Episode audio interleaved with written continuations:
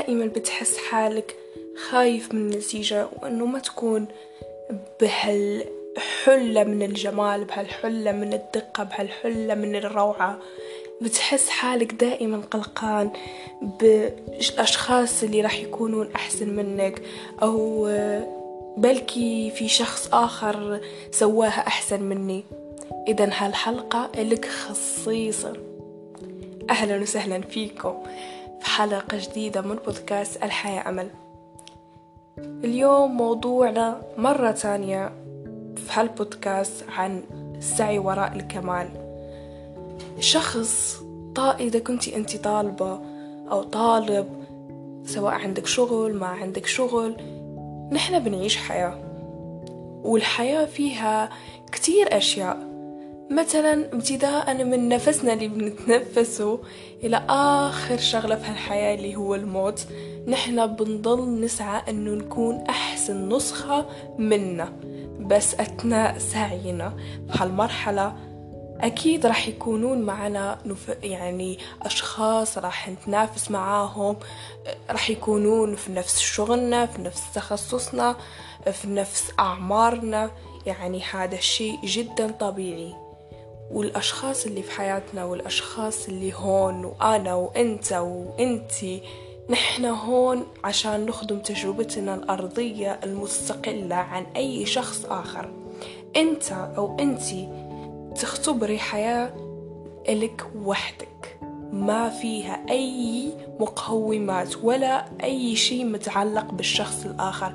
يمكن شخص راح يشاركك الرحلة يمكن شخص راح يضيف لك في الرحلة يمكن شخص راح يعلمك شيء في هالرحلة تبعك. بس بالأخير رحلتك بتبقى إلك وحدك.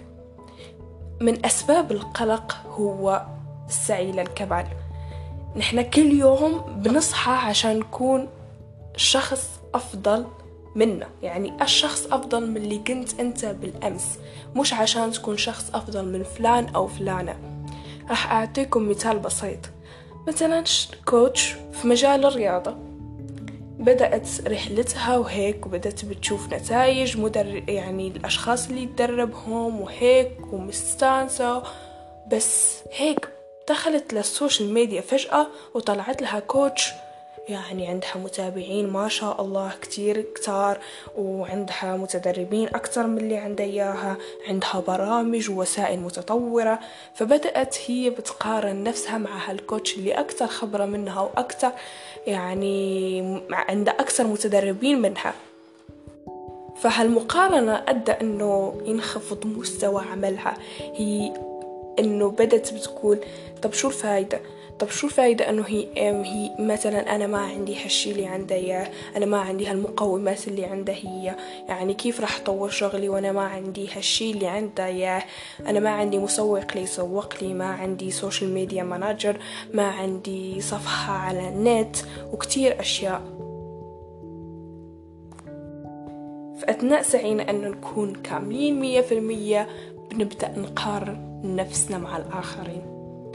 وهالمقارنة بتأدي للقلق للخوف لكتير كتير كتير من المشاعر اللي سلبية واللي بتحطمك أكتر وبالأخص أنت اللي بتقارن نفسك.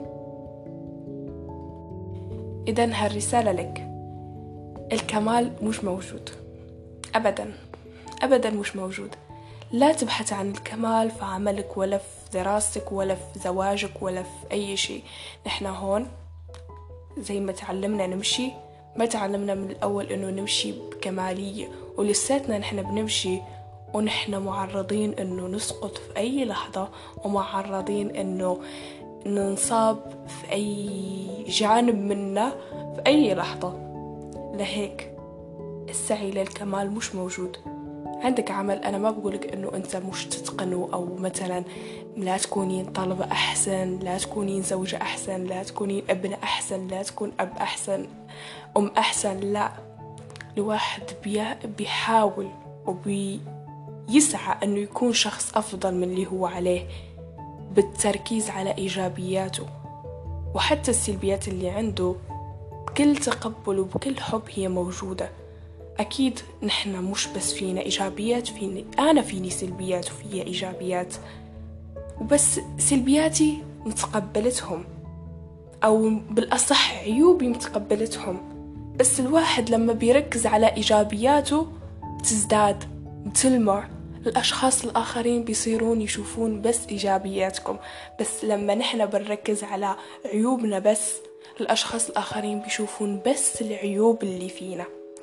كل ما وجهت تركيزك لإشي حلو في حياتك لإشي حلو فيك الأشخاص الآخرين رح يشوفون هالشي اللي حلو فيك وهالشي اللي بيلمع منك. بس بالأول لازم توجه تركيزك أنت لهالشي لنفسك. الحل بكل بساطة أنا ما بقولك أنه توقف أنه عن السعي للكمال بس خلينا نصحح الجملة السعي أنه تكون شخص أفضل وأقصد بشخص أفضل مش شخص بدون عيوب ولا بدون أخطاء ولا بدون فشل. خلينا نتقبل طبيعتنا البشرية زي ما نحن. فطرتنا نحن مش كاملين. ابتداء من بداية الخلق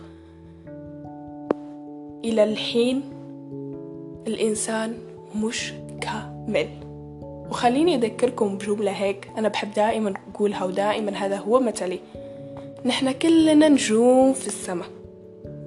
والنجم والنجمة اللي حولك واللي محيط الأشخاص اللي محيطين بك كل واحد بيلمع بطريقته الخاصة حافظ على الطريقة اللي بتلمع فيها سواء في عملك سواء في دراستك سواء بس في حياتك بس بتنفسك. إذا ما كان عندك هدف في الحياة فابدأ أنه تبحث على هالهدف اللي راح يخليك مستمر عشان توصل له عشان توصل هالرسالة اللي إجيت بيها لهون.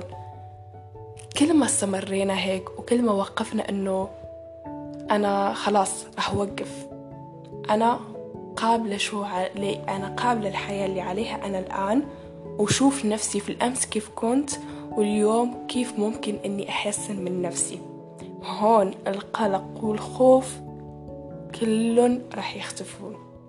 لأنه أنا وجهت تركيزي للآن ووجهت تركيزي للحلول وما وجهت تركيزي لا للأشخاص ولا للأحداث اللي ما فيني أنا أتحكم فيها. وجهت تركيزي للشيء اللي بين إيدي. مثلا الفون اللي يسجل أنا منه الحين هو بين إيدي. بتمنى أنه هالحلقة كانت زي طبطبة لقلوبكم وبالأصح رسالة لكثير من الأشخاص اللي راح يسمعوني اليوم. وتذكر أنه في أشخاص كمان محتاجين هالكلام فلا تبخل عليهم بمشاركة سواء في حساباتك على السوشيال ميديا أو مع أصدقائك المقربين.